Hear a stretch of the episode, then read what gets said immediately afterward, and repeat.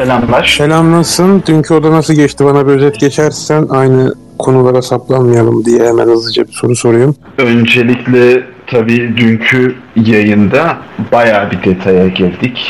Başlıklar altında aslında bir konuşmamız vardı. CHP'ye yönelik eleştirilerimiz oldu. Genel itibariyle seçim kavramına dair eleştirilerimiz oldu.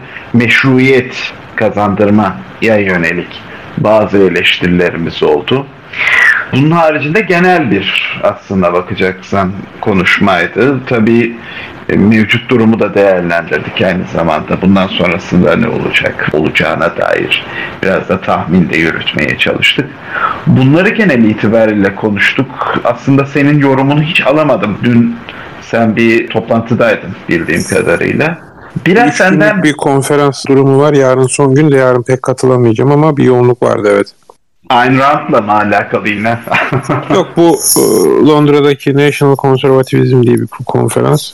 Bir öncelikle senden bir genel bir şöyle bir tabloyu bir istersen alalım. Ondan sonrasında adım adım devam edelim. Şimdi öncelikle çok şaşırdım. Başkan, Cumhurbaşkanlığı sonucunu bir kenara bırakıyorum. Meclis beni çok şaşırttı. Bu kadar şu an 340 civarındaydı en son. 3 aşağı 5 yukarı bir iki güne belli olur birkaç artı eksi falanıyla.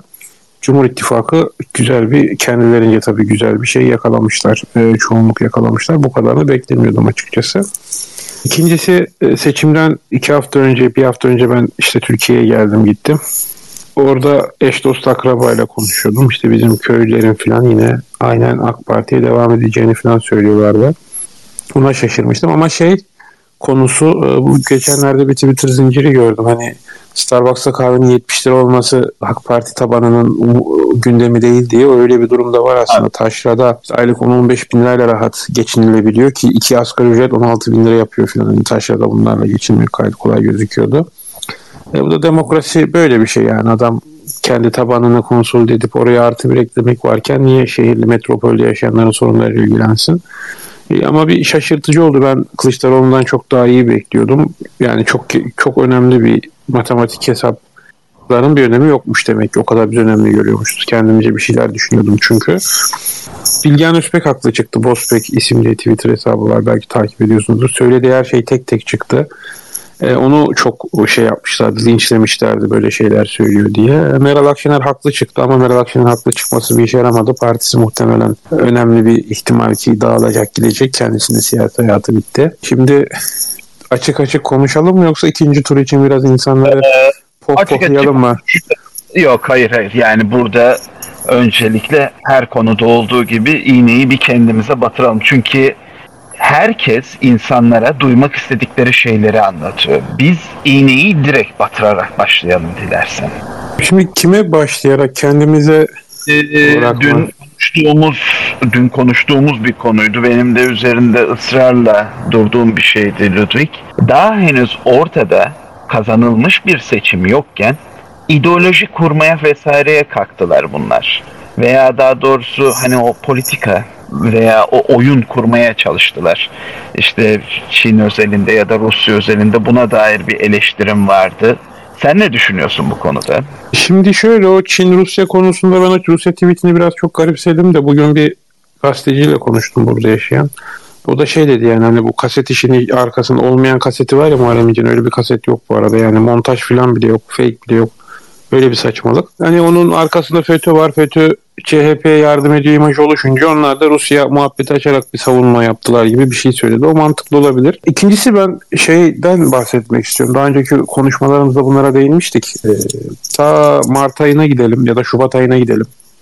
Bu aday belirlenme sürecinde Kılıçdaroğlu'nun adaylığı aslında şey demekti ve altılı masadaki o şu an hiçbir oyu yani bir oy muhtemelen kendileri bile oy vermediler. yani CHP öyle bir gariplik var neyse. O işte küçük ortak partilerin vesairelerin denkleme girmesi vesaire işte bu Kılıçdaroğlu adaylığı falan bu şey demekti. Anti Erdoğan bir oy var kemikleşmiş ve bu oy seçimi kazandıracak Kılıçdaroğlu'na.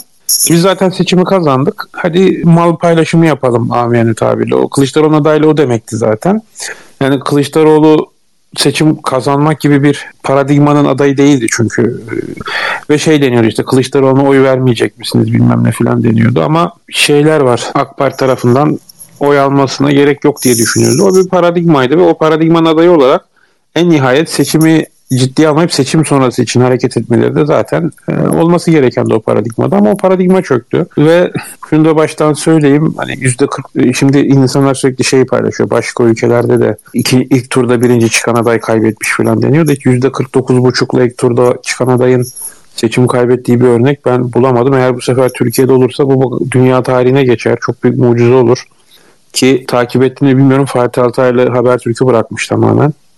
Evet. Yani Fatih Altaylı da emekliye ayrılmış artık uğraşmak istemediği için. O da benim için çok zaten. Hani benim söyleyemediğimi o kendi şeyiyle yapmış. Yani insanların moralini de bozmak istemiyorum ama çünkü şöyle bir durum var yani bu bana hafifçe artık manyaklık gibi gelmeye başladı. Ama bir yandan da insanlar iyi hissetmek istiyor. Yüzlerce binlerce dolar para harcayıp işte işten izin alıp uçakla arabayla 10 saat mesafe gidip e, ikinci tur için oy vermeye ya da ilk tur için oy veren insanlar falan var yurt dışında yaşayanlar.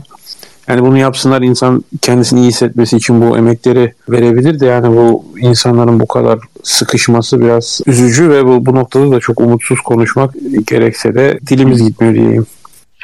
Ters açı bu arada. Merhabalar diliyorum. Bir 5 dakika bana şey yapar mısın? Tam garaja giriyorum. Tabii ki. Tabii ki.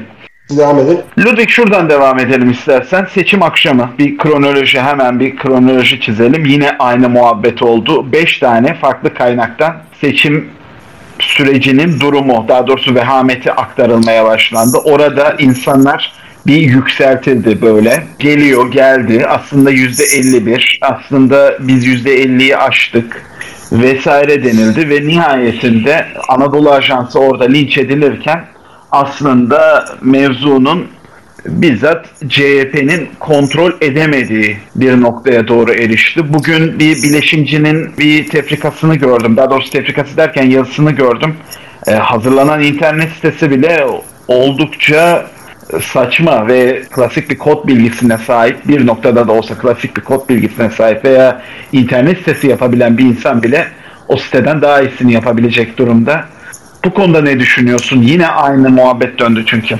E şimdi Muharrem İnce'nin meşhur seçim gecesi ne olduysa aynısı oldu. Buna öncelikle şey yapmak gerekiyor, bahsetmek gerekiyor. İkincisi CHP'nin kontrolü kaybettiğini inanmıyorum ben.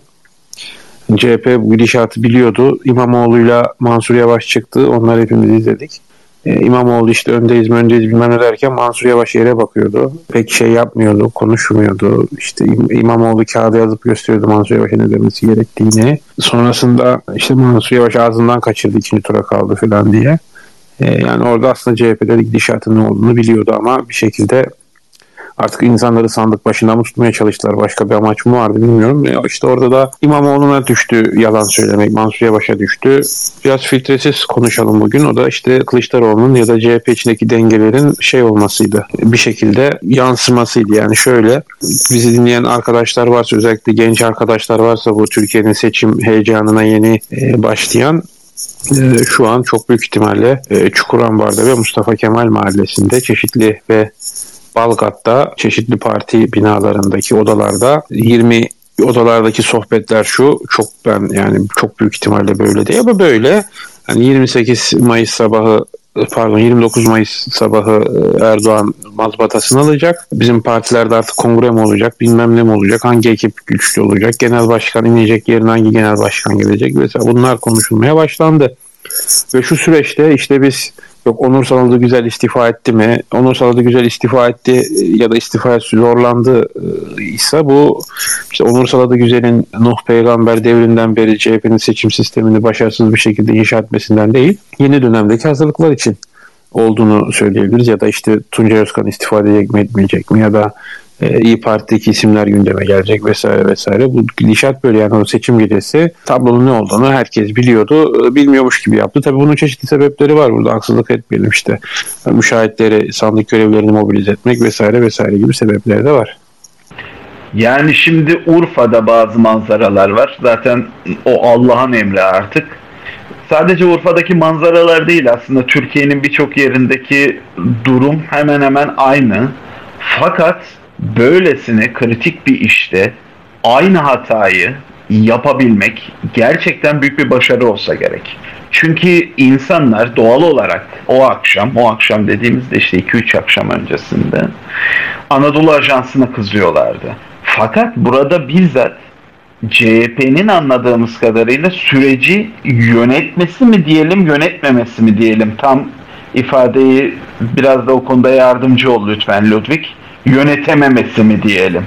Ne diyelim sence? Yönetmesi diyelim çünkü halkla şeffaf bir şekilde seçim sonu yani kendisine gelen işte Mansur Yavaş'ın açıkladığı yok ıslak imzalı tutanaklara göre şöyle böyle durum diyen yani bunu bir web sitesi açıp e, halkla paylaşmak tamam altyapınız yetmiyor diyelim ki bu da kabul edilebilir değil de hadi diyelim böyle yaptınız. Ya bunun bir yöntemi var. Bir Twitter hesabını açarsınız. CHP seçim 2023 diye. Twitter'a da bin dolar para verirsiniz. Bir tane sarı tik alırsınız bir aylığına. E, o otomatik olarak 15 dakikada bir ya da yarım saatte bir o CHP'deki otomatiğe de gerek yok. O şey neyse o bilgisayar ekranı var ya bir tane bizim sonuçlarımız dedikleri. bir kişi alır onun bir screenshot'ını alır, ekran görüntüsünü alır. Post, kopya ya da yapıştır yapar yani artık teknolojiye falan da gerek yok artık öyle otomatizasyon falan da yapmasın. Onu yapar. İnsanlar da şeffaf bir şekilde takip edebilirdi ama bu beceriksizlik değil artık bu şey.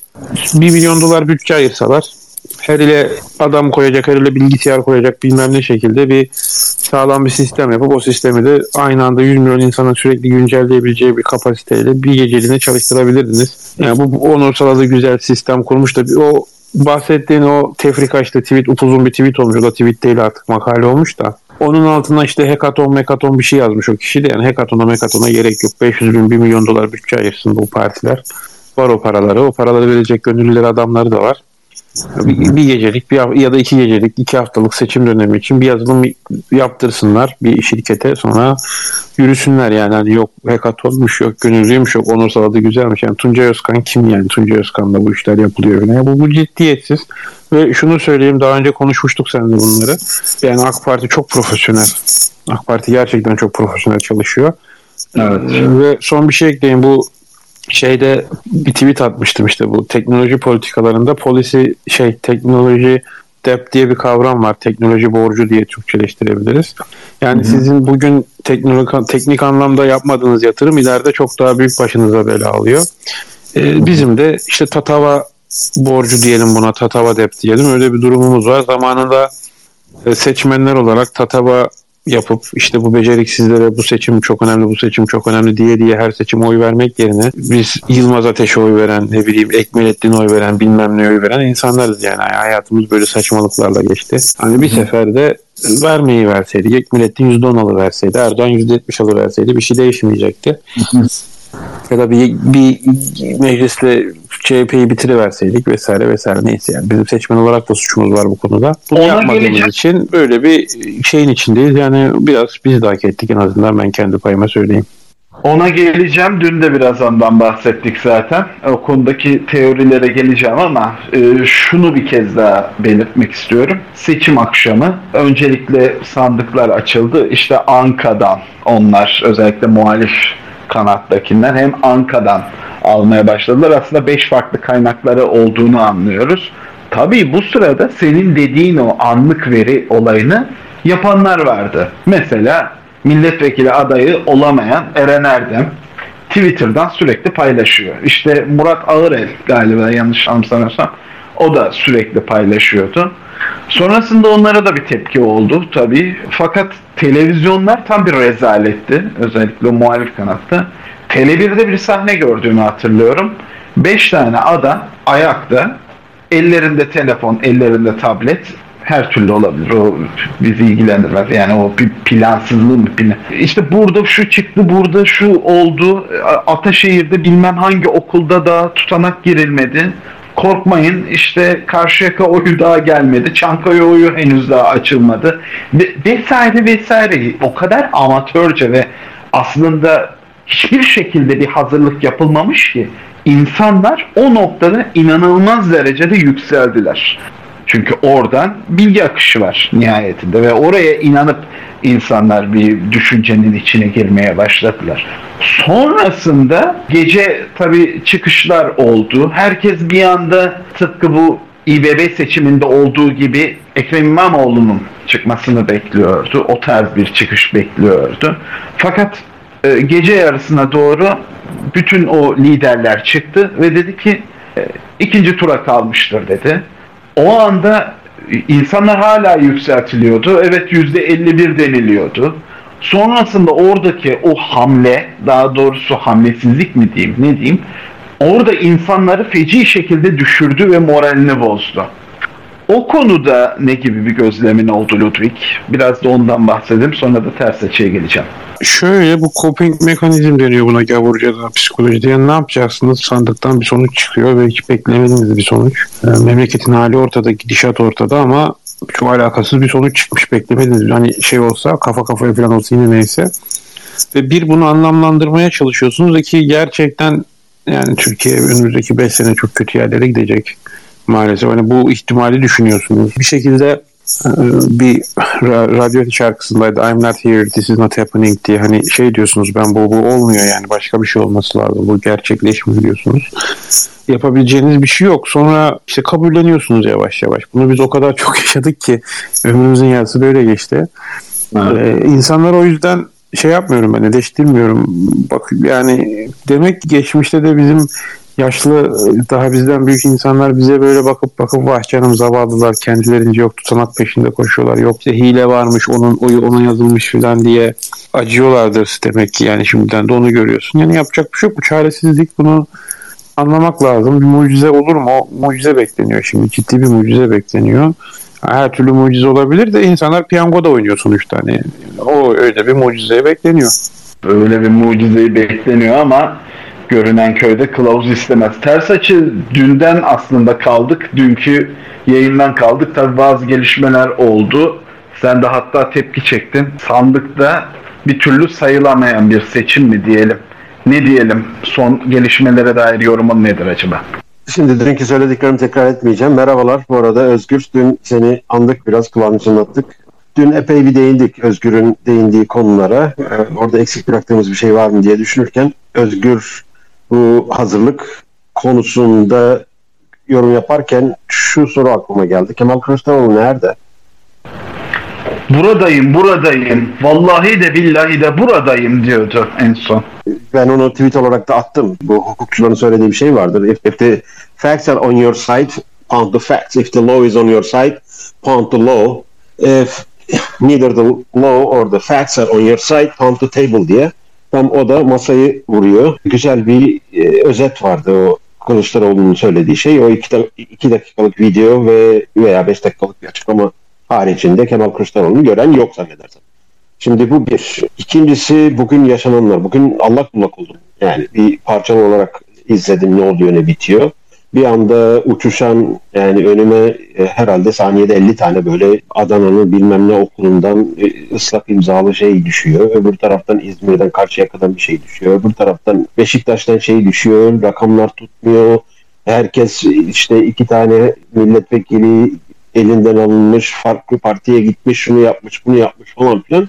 Bir anda bir karmaşa şey oldu. Şimdi orada hemen ihtimaller e, insanın kafasında dolaşıyor tabii ki. Yani bir, bir, bir defa o Yüksek Seçim Kurulu veya iktidar kanadı veya gücü elinde bulunduran kanat veya bu seçimin oylarının sayılmasından esas sorumlu, resmi olarak sorumlu taraf hile yapar mı? Yapar. Bunlar trafoya kedi de sokar, şey de yapar. O konuda onların yapamayacağı veya bizi şaşırtabileceği bir alan kalmadı. Şunu yaparlar mı diyeceğim.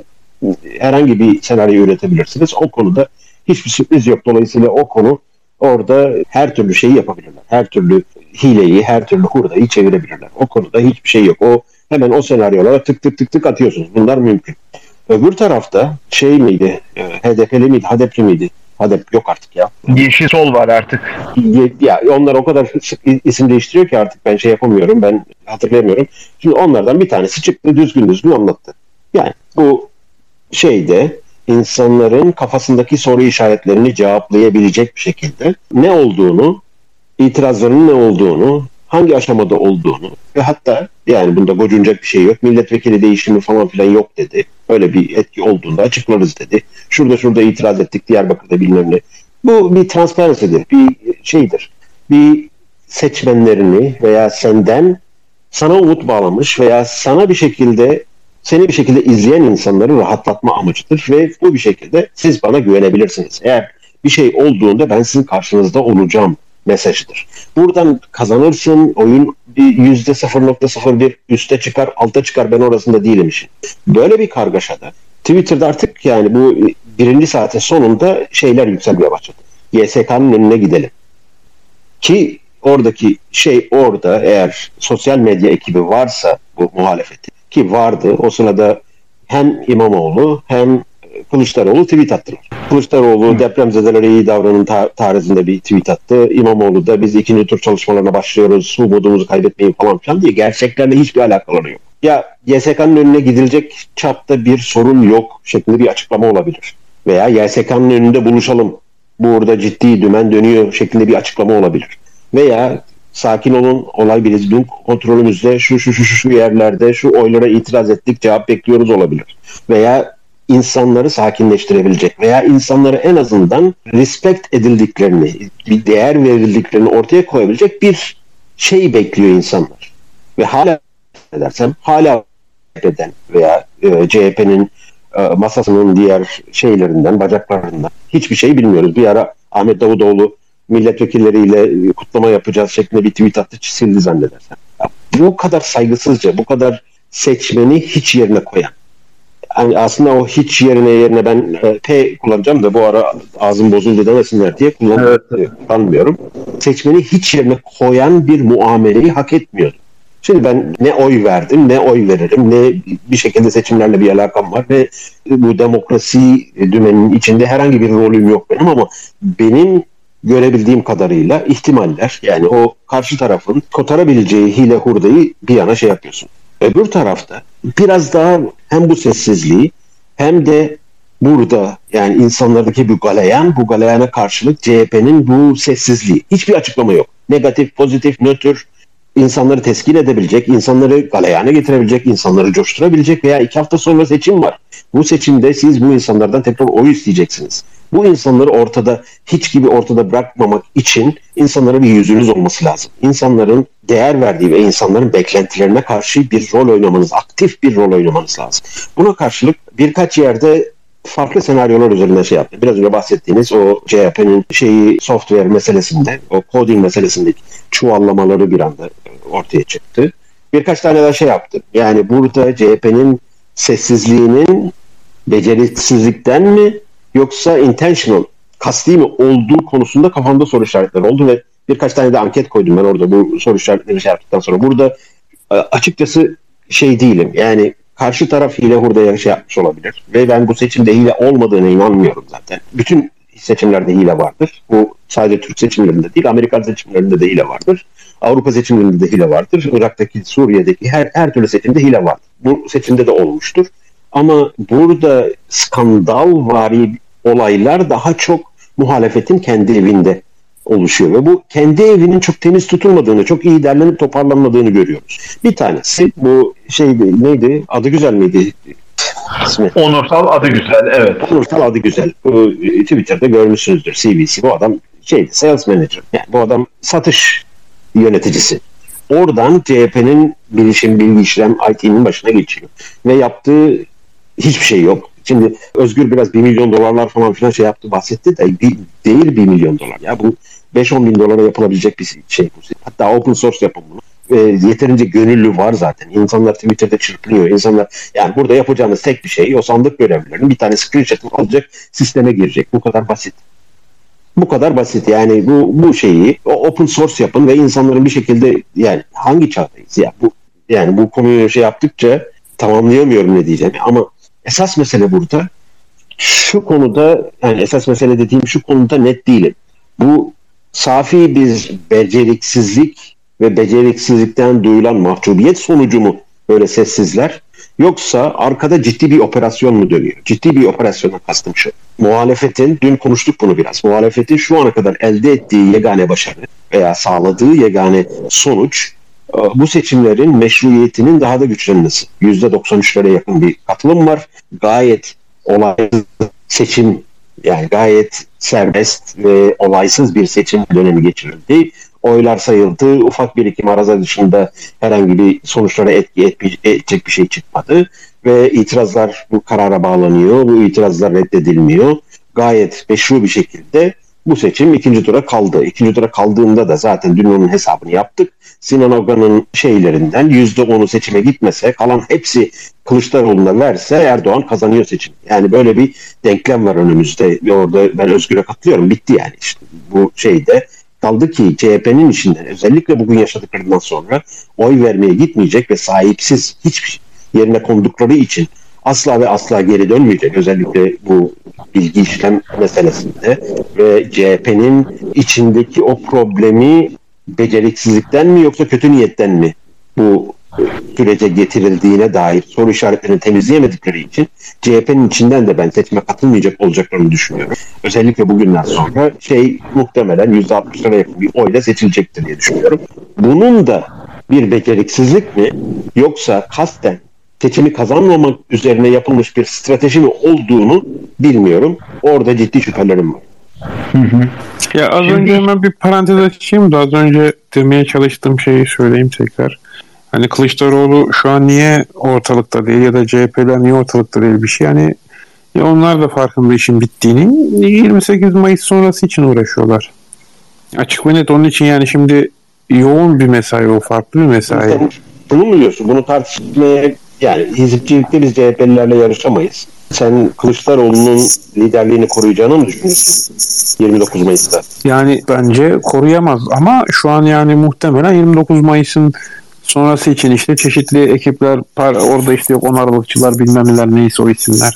Şimdi dün sen ilgiliyor. Onların kavgaları dönüyordur şu an. Onunla meşguldür yani. Arada bir iki video koyar o kadar.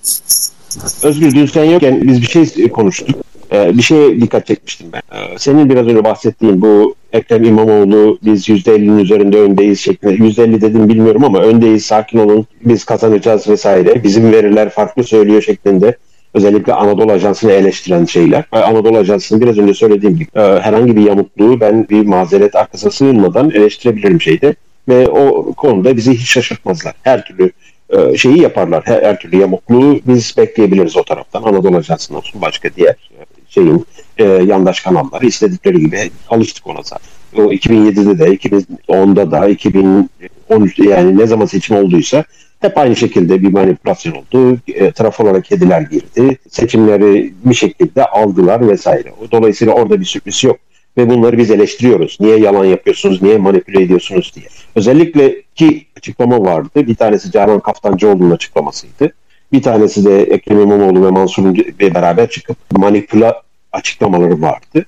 Ki gerek Twitter timeline'ına bakarsan gerek onların açıklamalarına bakarsan çok net bir şekilde %60'da 70'de kazanılacak bir havadan merak etmeyin kazanıyoruz, merak etmeyin ilk turda bu işi bitireceğiz şeklindeki bir açıklamanın üzerinden hepsi sessizliğe gömüldü ve burada Anadolu Ajansı manipülasyonu yapınca yalancı oluyor da bu CHP'nin çok sevilen figürleri bu manipülasyonu yapınca neden biz bunları eleştiremiyoruz şeklinde bir şey konuşmuştuk. Şimdi benzer bir şekilde özellikle CHP'de Kılıçdaroğlu'na alternatif olarak, olarak görülen kişilerin bilmiyorum Kılıçdaroğlu tarafından mı ittirildiler kameranın önüne yoksa kendileri mi gönüllü olarak böyle bir mizansenin içinde rol aldılar.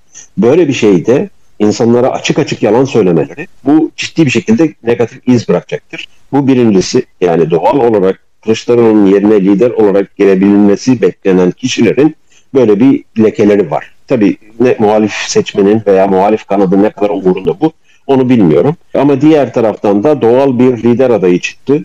Hasbel kader CHP'nin içinde. Onu nasıl durdurabilirler bilmiyorum ve benim muhtemelen e, Kılıçdaroğlu'ndan fersah fersah iyi performans gösterebileceğini düşündüğüm Sarıgül. Sarıgül deyince bir an şaşırdım. Millet Aynen ben de konuyu öyle bir milletvekili ve milletvekili olarak başka bir figür var mı? Yani Kılıçdaroğlu milletvekili değil. Peki yani, terse sana, sana şöyle sorayım. Daha büyük bir manyaklığa gelelim. Şimdi herkes o gecenin sonunda nasıl ikinci turda alırız'a dair argüman geliştirirken işte deniliyor ki efendim 6 milyon 8 milyon kişi bakın daha oy kullanmamış. Biz bunları da ikna edelim. Haydi yani, onlar da oy kullanmadı. Hadi ikna et beni. Ben kullanmadım. Şimdi orada bu adam yani Excel hücresinden o rakamı 6 milyonu kopyalayıp öbür tarafa yapıştırmak kolay. Ama bu insanlar neden oy kullanmadığına dair hiçbir fikirleri yok. Hiçbir şeyleri yok. Üstelik özellikle o deprem gecesi, dün konuştuk bunları tekrar etmek istemiyorum ama Özgür de katılırsa özellikle yani bu depremdeki benim küfretmeme neden olan o analizler. ilk defa e, Twitter hayatımda küfürlü tweet attım. Onu da bütün takipçilerden özür diliyorum. Ama böyle, yani böyle bir böyle bir şeyler depremdekilere şey yapmaklar. E, işte siz bidon kafalısınız gelin bize oy verin şeklinde bir tezat içinde bir resim ve burada şunu fark ettim. Yani ne kadar burada muhalefetin sesi yüksek çıkıyorsa bu ters tepki yapıyor ve karşı tarafı konsolide ediyor. Bu çok ilginç bir şey. Başka bir yerde görmedim ben bunu. Gerek altılı masal üzerinde kopartılan şeyler. Muhalif seçmeni konsolide edip muhalif seçmenin umutsuzluğunu, kırgınlığını ve o depresif halini ki bu insanlar kim atmıştı o tweet'i 10 sene önce bu her şey bittikten sonra bizim bizi bir battaniye sarıp elimize sıcak kahve vermemiz lazım diye bir tweet vardı. Ona hmm. benzer bu insanlar 20 senedir sırtlarına bir kahve, sırtlarına bir battaniye ve ellerine bir kahve sıcak çikolata bekliyorlar. Senle geçen hafta konuştuk daha. Yani şeyi söyledim yani sadece TRT'nin tüm diğer devlet kurumlarını bir kenara bırak. Sadece TRT'nin düzeltilmesi 50 seneyi alacak diye bir tirad hatırlarsın. Çünkü evet. o kadar bozuldu ki yani insanların psikolojisi o kadar bozuldu ki insanların onuru, insanların e, inançları, insanların herhangi bir pozitif duyguları o kadar örtelendi ki yani 20 senelik 20 seneyi geç, geçmiyor. İnsanlar muhalefet tarafından hiç yerine konması bu insanların hala muhalefet tarafından sadece siz zaten oy vereceksiniz şeklinde şey yapılması ve bunun üstünden de buraya siz oy çekmeniz lazım kazanmanız için ve karşı tarafı deprem bölgesindekilere hakaret, şeylere hakaret, sırada bekleyenlere hakaret. Bu tarz inanılmaz böyle şey kendini üstten gören bu şey bu adını koyamıyorum bunun. Ve çok karıştırdım biliyorum. Çünkü dünkü konuştuklarımızı, dünkü söylediklerimi tekrar etmek istemiyorum. Onun için şunu şey yapıyorum. Ee, özellikle muhalif kanada olan, e, ait olan kişilerin birebir de konuştuğumuzda hepsi dünya tatlısı insanlar. Herkes evet. inanılmaz e, açık görüşlü, inanılmaz her konuda sohbet edebileceğiniz ve her konuda tartışmadan konuşabileceğiniz ve arkadaş olabileceğiniz, yakın ilişkiler kurabileceğiniz tarzda insanlar. Kültürlü, her türlü ne bileyim işte sanat sohbeti yapabilirsiniz, futbol sohbeti yapabilirsiniz, her türlü muhabbet yapabilirsiniz. Sadece siyaset değil. Bu konuda inanılmaz şekilde nezih bir ortam sunuyor. Ama bu insanlar bir araya geldiklerinde sosyal IQ bir anda şey oluyor. Bunlar bir anda inanılmaz bir konservatif, inanılmaz bir e, bu at gözlüklü, kökten dinci demokrasi diyorum ben ona. Kökten dinci demokratlık bu insanların gözünü kör ediyor ve hiçbir şey göremiyorlar. Bu insanlardan beklemeyeceğiniz şekilde aptal hareketler, aptal aptal hareketler şey yapıyorlar. Topluluk psikolojisi. Ee, Özge Hanım burada ben aslında onu söz vermek isterim. Bu kitle psikolojisi üzerinde bunun ciddi bir açıklaması olması lazım. Öbür tarafta, öbür tarafta da çok her seçimde, katıldığı her seçimde pragmatik olarak davranmasını bilen ve kendi çıkarını veya kendi partisini, kendi grubunu, kendi şeyini çok iyi bir şekilde koruyabilen, kendi mezhebini diyeyim veya kendi kabilesini diyeyim çok iyi bir şekilde koruyan ve toplumsal IQ'su biraz daha yüksek hareket edebilen ama karşı karşıya geldiğinizde iki dakika bile geçirmek istemeyeceğiniz. Yani o bidon kafa abartı değil aslında. Ya bu insanlar ne yıkanırlar ne doğru düzgün konuşmasını bilirler ne doğru şimdi hakaret olarak söylemiyorum bunları ama bu Türkiye'nin gerçekliği bu. Bu insanlarla da ne oturup futbol konuşabilirsiniz, ne oturup sanat sepet konuşabilirsiniz, ne bir kitap konuşabilirsiniz, ne felsefe konuşabilirsiniz, ne futbol konuşabilirsiniz. Yani böyle bir şey var. Bu, bunun ben şeyini anlayamıyorum. Arkasındaki nedeni anlayamıyorum. Ee, bir taraf son derece aydın, açık fikirli ve siyasi alanda IQ'su bir anda ayakkabı numarasından küçük hale geliyor. Diğer tarafta hiçbir şey paylaşamayacağınız insanlar demokrasi arenasında çok daha pragmatik, çok daha kolay şey yapabilecek hareketlerde bulunuyorlar. Bu yani bu ilginç geliyor bana. Bunu tamamlayayım. Çok karıştırdım herhalde. Ben şuradan bir devam edeceğim. Sonrasında pası Ludwig'e atacağım. Dün bir acı reçete aslında söylemiştim ve biraz da sert konuşmuştum. Belki de insanlar üzülmüştür ama bunları yapmamız gerekiyor. Hiç olmazsa bir noktada bunları da başlamamız gerekiyor. Zira insanlarımız gidip aynı hata için tekrardan oy kullanırsa ve tekrardan bu meşruiyeti hukuki anlamda tekrardan tasdik ederse kendi düşen ağlamaz noktasında. Bunun bir adım daha ötesine geçeceğim. CHP gerek tarihsel form olarak gerekse insanların kafasında yarattığı intibah bakımından ciddi anlamda Türkiye'de bir tıpa görevini görür. Nedir bu tıpa? Hem düşünce dünyası açısından hem de bazı şeylerin o siyaset oyunu kurması bakımından çok ciddi bir tıpa oluyor. Bu tıpa bir türlü çözülmediğinden dolayı da diğer alternatif isimler veya alternatif olabilecek X olur, Y olur, isimler veya organizasyonlar bir türlü ortaya ya çıkamıyorlar ya çıksalar da çok aptalca bir noktaya doğru evriliyorlar.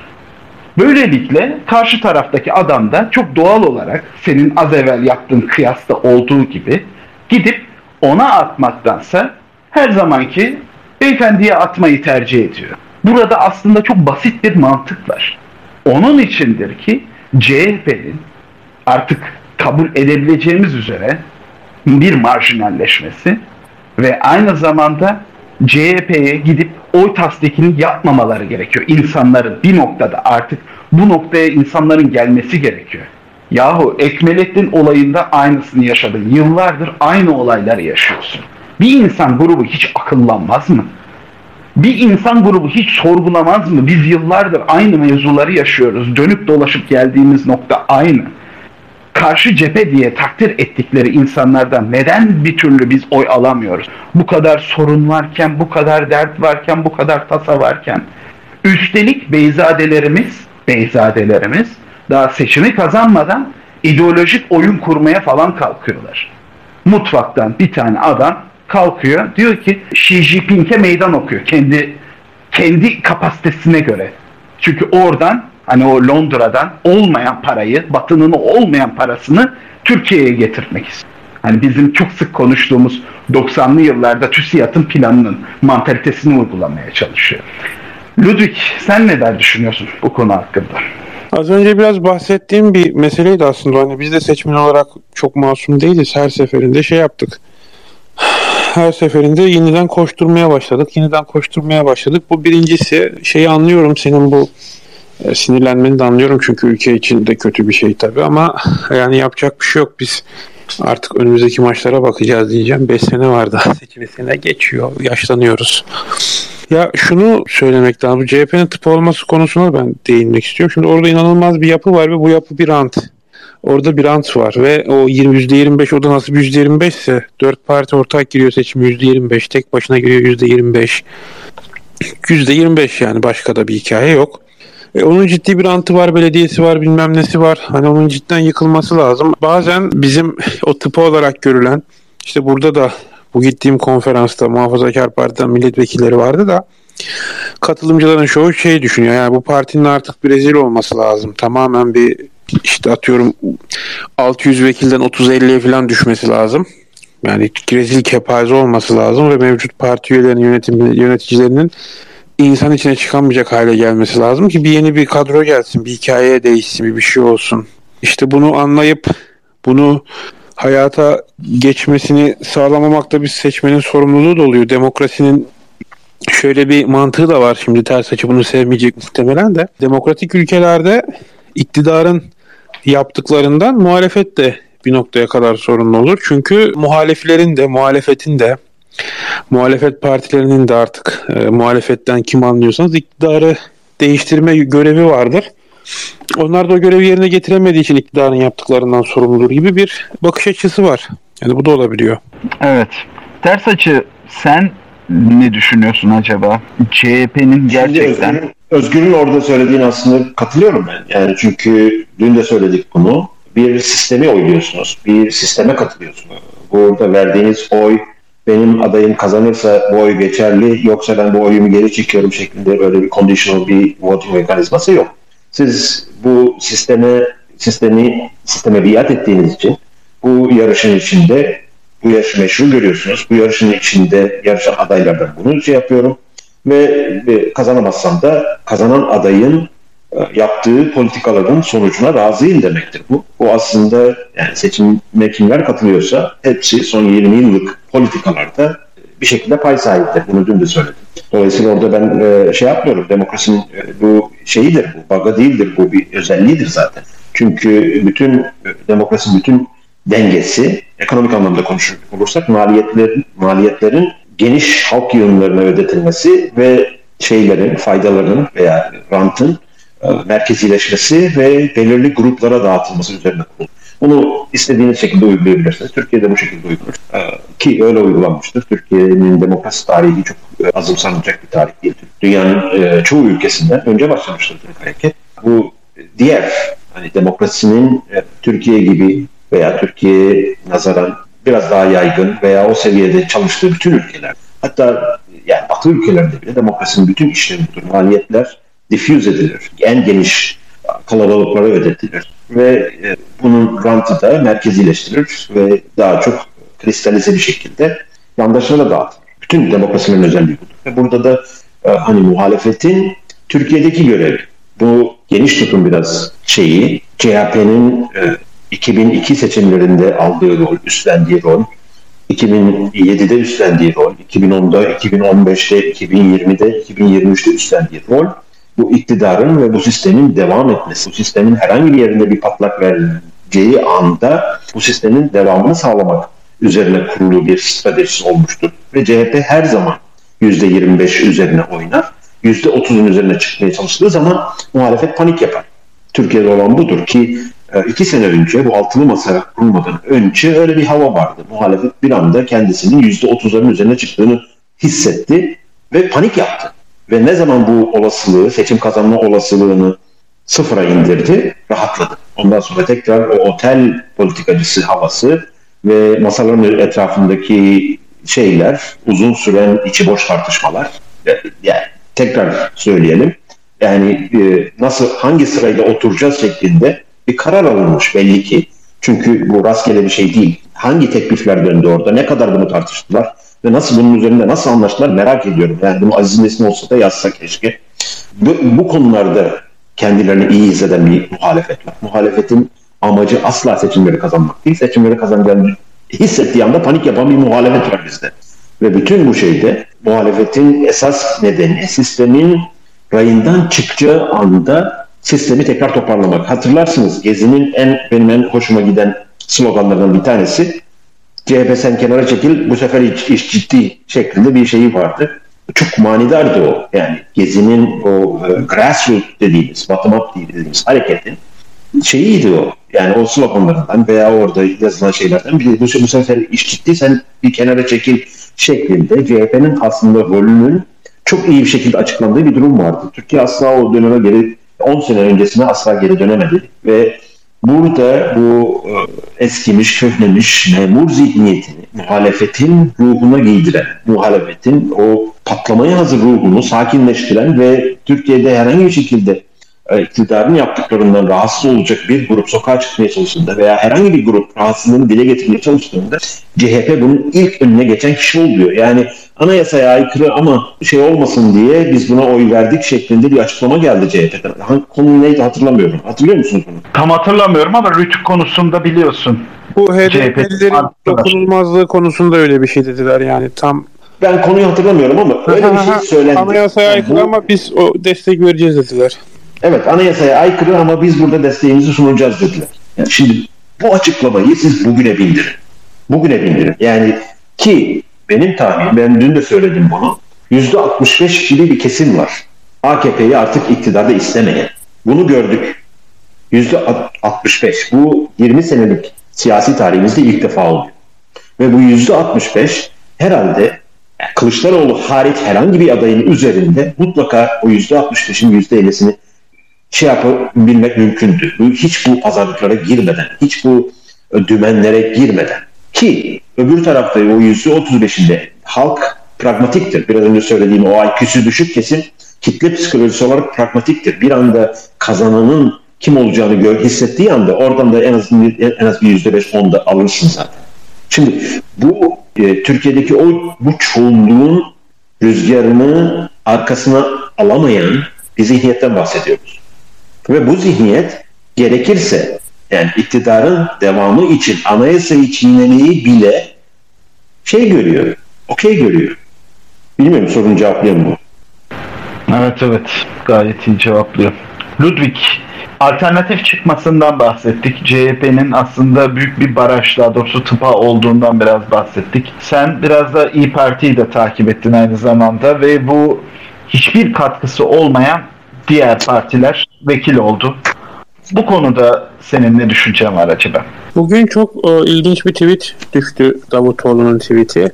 Davutoğlu partimizin vekilleri toplantı halinde diye bir fotoğraf paylaştı. Tepki çekince bunu sildi. Bence bundan daha açıklayıcı bir şey olamaz. Yani onlar seçimi bitirmişler kafadan. İkinci tur falan da kafada bitmiş onların da. Onlar da vekillerini aldılar. Kenara çekildiler. Önlerine bakacaklar. Benzer bir tweet'i şey de atmıştı. Özgür. Çok girmeyeceğim oraya kesiyorum sözünü de. Ekrem İmamoğlu pazartesi sabahı Türkiye'ye göre işimizin başına döndük. İstanbul çalışmaya devam edecek şeklinde bir e, tweet'i o da atmıştı. Bu, ya bu ben da... o tweet'i alıntılayıp şey yazdım. Beyaz bayrak geldi yazdım. O çünkü o tweet o demek. Yani biz bu adam kazandı demek. Adam kazandı demek ve bir yandan da şey de o adama da bir mesaj. Yani ben belediyenin başındayım. Bu işi bitirelim uzatmayalım demek işte kayyum mayyum işleri de gelmesin demek belki bir yandan da ama adam kazandı demek o da. İyi Parti meselesine gelirken e, şöyle şimdi Deva Partisi ve Gelecek Partisi şimdilik bir e, şey oluşturdular ve bundan sonra artık bir kenara çekilirler. İyi Parti'nin ise en büyük dezavantajı ve en büyük kötü şey olması yani kötü durumda olması sebebi elinde bir, ciddi bir belediye yok. Türkiye'de siyasette belediye önemlidir güç için. İhale dağıtırsınız, kadroya adam alırsınız, bilmem bir şey yaparsınız. O yok. E, biraz işte Ankara Belediyesi'nde biraz şeyler yakınlar ama e, onunla da olacak iş değil. Böyle bir şey söz konusu. Ee, İyi Parti ne yapar? İyi Parti büyük ihtimalle liderlik değişimine gidecek ama e, kim lider olacak? Benim aklıma kimse gelmiyor. E, Meral Akşener'in artık biraz yaşı var. Bir de 5 sene sonraki genel seçim için artık e, bir şey yapacak da değil. Bir de Meral Hanım'ın sağlığı da geçenlerde bir sıkıntıya e, düşmüştü. Kendisi yoğun seçim dönemi stresini falan kaldıramıyor sanırım. Bir de işin bu boyutu var. Yani öyle olunca özetle şey İyi Parti bir değişim gerekiyor. Yani benim aklıma şey gelmiyor açıkçası. Ee, İyi Parti'ye kim başkanlık eder? Ee, hiçbir şekilde aklıma gelen bir durum yok. Onu çözmeleri gerekecek. İşleri çok zor. İyi Parti bir parti kalacak mı? Bir yandan da şeyi hesapladım geçen anlatılıyor ya işte milli şu kadar bu kadar diye konuşuluyor. Ee, onu düşündüm ve hesapladım. Şimdi e, MHP'dir, İyi Parti'dir, Zafer Partisi bunların hani bunların birleşmesi halinde o 10 artı 10 artı 2 artı 3 artı 5 diye şey olmayacak. Bunu kesinlikle öyle bir şeyim yok. Öyle bir e, söylemim yok da ama yine de bu da bir insanların şeyini cezbedecek. Bir iştah edecek. Bir bakacaklar diyecekler ki acaba geri mi birleşsek, geri mi bir şey yapsak, işte Zafer mi? Şimdi Ümit Sinan Oğan bir kingmaker olarak ortalıkta dolaştığını söylüyor. İşte Kılıçdaroğlu'na çeşitli talepleri var vesaire vesaire. E, bu anlamda İyi Parti ne yapacak? İyi Parti'nin e, mevcut insanların ben e, şeye gideceğini düşünmüyorum. MHP'ye gidebileceğini düşünmüyorum da bir yandan Zafer Partisi ne yapacak? Bu ciddi anlamda İyi Parti'nin artık başka bir yere gitmesini göreceğiz biz. Bir de e, şu da var. Bir sene sonra yerel seçimler var ve artık yerel seçimlerde İyi Parti belki bir sene daha Meral Akşener'le gidip yerel seçimlerde bir şeyler deneyebilir. E, düşük bir ihtimal olsa da beraber göreceğiz bunu da ama e, ben İyi Parti için neredeyse hiç umutlu değilim diyebilirim. Aslında bir iki kelam söyleyeceğim Özgün dediği olasılıklar üzerinde ve çok ciddi bir tehlikenin altını çizeceğim. Esas çok tehlikeli bir durum oluştu. Bunun e, herkes ne kadar farkında bilmiyorum. Bu son 20 yıllık şeyde e, hemen hemen oluşmayan bir tablo oluştu. Bu tablo şu, e, şimdi meclis aritmetiğini göz önüne aldığınız ve işler biraz daha böyle sakinleştikten sonra bu Bizans'ta dümenler bitmez hesabı şeylerin bu otel pazarlıklarının başladığını düşünün ve mecliste İslamcı kökenli, AKP kökenli veya refah kökenli milletvekillerini sayın. Buna biraz da o sağ cenahın doğal AKP koalisyon ortağı ve destekçisi olan MHP ve biraz da o İyi Parti'nin içinden gelen milletvekilleri de saydığın anda kemikleşmiş sağ tandanslı 400'ün üzerinde anayasayı değiştirebilecek bir çoğunlukta İslamcı bir meclisimiz oldu. Şimdi AKP bunu en güçlü olduğu döneminde dahi halk oyuna gitmeden anayasayı değiştirebilecek bir meclis çoğunluğuna asla sahip olmamıştı. Şimdi burada CHP'nin payı yaklaşık 30-40 milletvekili sokarak var. Şimdi e, şeyleri o devadır, gelecektir. Kim onlar? Davutoğlu'nun partisinin adı neydi? Gelecek. Gelecek şeyin değil mi ya bu Sivas yangıncısının? Yok. O Saadet Davutoğlu'nunki gelecek Bebecan'ınki deva. Şimdi biz bunları el birliğiyle kaç tane milletvekili var bunların? 30 30 tane. 36-37 falan çıkacak gibi. 36-37 çıkacak gibi. Bunların üstüne bunların çok kolay anlaşabileceği, çok kolay şey yapabileceği, koalisyon kurabileceği insanları da koyarsan 400'ün üzerine çıkıyor. Ben bu şeyi yaptığımda dehşete düştüm. Böyle bir çoğunluk AKP en güçlüyken bile mecliste oluşmamıştı. Şimdi bu ciddi bir tehlike. Onun yanında şimdi biraz daha soft işin magazinsel kısmına gelelim. Şeyde yaşlanan iki lider var. Allah hepsine uzun ömürler versin. Orada esas boşluğunu veya ganimetini paylaşmaya çalıştıkları bir lider Devlet Bahçeli. Bu Devlet Bahçeli'nin gidişinden sonra çünkü Türkiye'de öyle siyasi liderler hak vaki olmadan çok fazla değişmez. Devlet Bahçeli'nin yerine heveslenen birkaç kişi ben doğal olarak doğal adayları şey yapabiliyorum. Bunlardan bir tanesi Meral Akşener. Meral Akşener'e yaşlı dedi ama devlet, yani diğerlerine göre daha bir 10 senelik daha siyasi ömrü var Meral Akşener. Diğeri Ümit Özdağ. Şimdi o Kingmaker'da çıkardı ortaya Sinan Ogan. Bunlar oraya hevesliler ve bu konuda iktidarla uzlaşma konusunda kendilerini ön plana çıkartabilecek her türlü stratejiyi deneyebilirler. Bu bir ihtimal olarak dursun. Yani o orada şey var. Diğer taraftan da AKP'nin içinde oluşabilecek çalkantı, görev değişimi, revolving door, ismini ne derseniz deyin bir kadro değişiminde oranın doğal adayları da AKP'nin eski mensupları biz zaten buradaydık diye her an geçebilirler. Bunları kastettiğim Ali Babacan'dır, Davutoğlu'dur, İdris Naim Şahin'dir, Saadettin Ergin yani bütün bu kadroları saydığınız zaman aklınıza gelen ilk parti kimse onlar doğal olarak o adrese dönebilirler. Her ihtiyaç olduğunda yani hani o ihtiyaç olduğunda camı kırın şeklinde vardır. Bunları biz, bunları muhalefet biz değil yani ben hiçbir şekilde içinde şey yapmadım. E, muhalefet altın tepside meclisin içinde sundu. Bu ciddi bir tehlike olarak görüyorum bunu. Ve Türkiye'de şu anda ufukta ilk seçimler 2028 mi gözüküyor? Bu çok korkutucu bir durum. Türkiye'deki gündemin, Türkiye'deki olayların, Türkiye'deki çalkantıların hangi hızla değiştiğini göz önüne alırsanız bir sene sonra kimlerin kimlerle aynı odalarda, aynı şeylerde, lobilerde el sıkıştığını kimlerin kimlerle ne pazarlıkları yaptığını biz şu anda tahmin etmemiz mümkün değil ve bunu ben çok ciddi tehlike olarak görüyorum. Bu şey herhalde AKP şimdiye kadar hiç ulaşmamıştı böyle bir tehlikeli duruma. Şimdi şuradan ben de alacağım. İki tane burada başlık var. Bir, anımsıyorsanız Meral Akşener masadan kalkana kadar daha o masada başkanlığı hiçbir şekilde konuşmamışlar. Yani kim başımız olacak şeklinde hiç konuşmamışlar. Bu birinci madde. İkinci madde seçim akşamında Mansur Yavaş çıktığında hatta YouTube'da da inanmazlarsa bakabilirler. Bir gazeteci dedi ki peki milletvekili sonuçları hakkında bir bilginiz var mı Mansur Bey dedi. Mansur Yavaş da onu tam takip etmiyoruz dedi. Bu, bu, bu, bu o kadar önemli bir şey ki. Hiçbir şekilde umursamamışlar. Hiçbir şekilde umursamadıklarını çok iyi anlıyoruz. Yani o afaki anlamda söylenen bir söz değil. Bu ikisini söylemek istiyorum. Şimdi Ludwig'e bir dönüş yapacağım. Ludwig biliyorsun Political Science tayfası Macaristan'da ve İsrail'de bir muhalefet konsorsiyumu kurarak bu ülkelere demokrasi geleceğine dair bir ideolojik oyun çizdi. Türkiye'de de çizdiler. Bu hikayeyi çok iyi anlattılar. Türkiye'de de tabii political science tayfası var. Bunun haricinde gazeteci tayfası da var. Sosyal medyada çok aktifler. Kendilerine gazeteci diyorlar ama bence gazeteci değiller. Çünkü eleştirdiklerinin ta kendisi bu insanlar. Ve Türkiye'de de bu işi batırdılar Nihayetinde gelinen noktada da onlara da çok ciddi anlamda bir tepki var. Bu konuda ne düşünüyorsun? Bu konudaki düşüncen ne? Ona gelmeden hemen bir şey daha ekleyeyim. Babacan'ın bir röportajı var. Yine internet üzerinden bakabilirsiniz.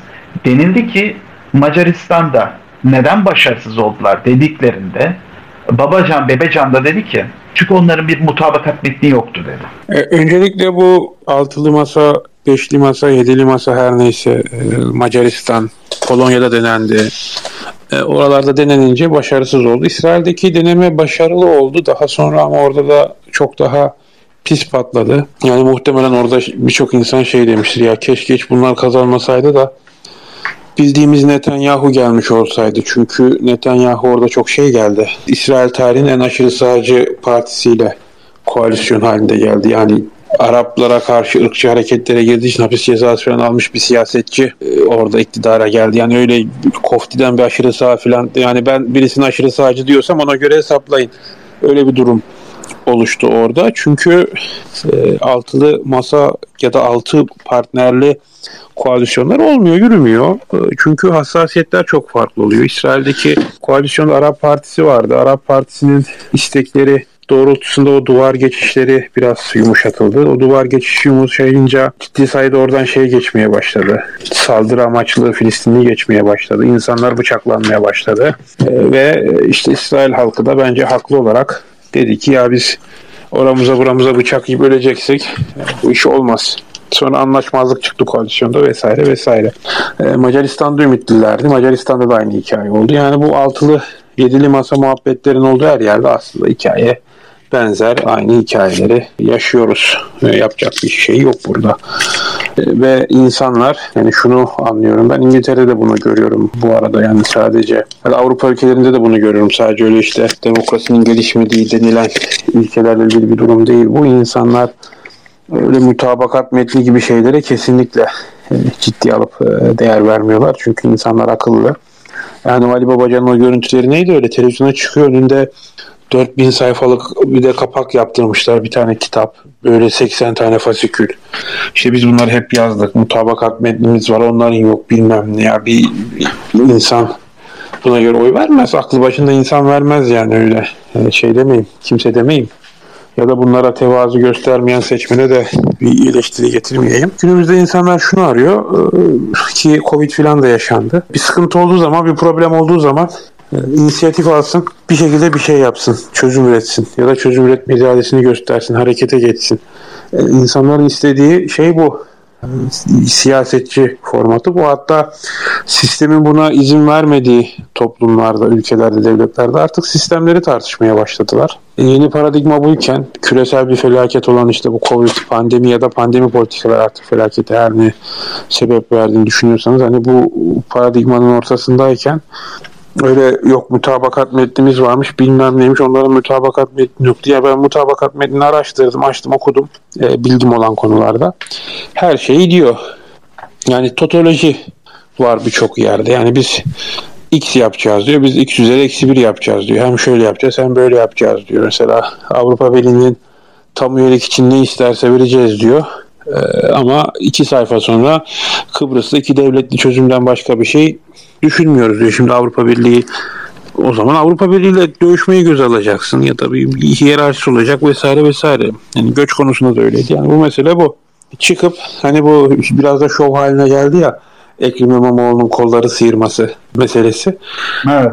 E, e, hakikaten yani bunu ben İngiltere'de de gözlemliyorum artık. Her yerde gözlemliyoruz. İnsanlarla konuştuğumda da anlıyorum. Ya şeyden bıkılmış. Yani sürekli kriz kriz kriz kriz var. Siyasetçiler diyor ki bunu şöyle çözeceğiz, böyle çözeceğiz. Sonra çıkıyorlar yok işte GTP düşer, yok Avrupa İnsan Hakları Mahkemesi engeller, yok şu olur, yok bu olur. O muhabbetleri duyunca insanlar diyor ki ya biz sizle uğraşacağız diyor. Yani öyle makul, gri, politik bilmem ne o muhabbetler artık hakikaten tırnak içinde gelişmiş demokrasilerdeki seçmeni bile bıktırmış durumda.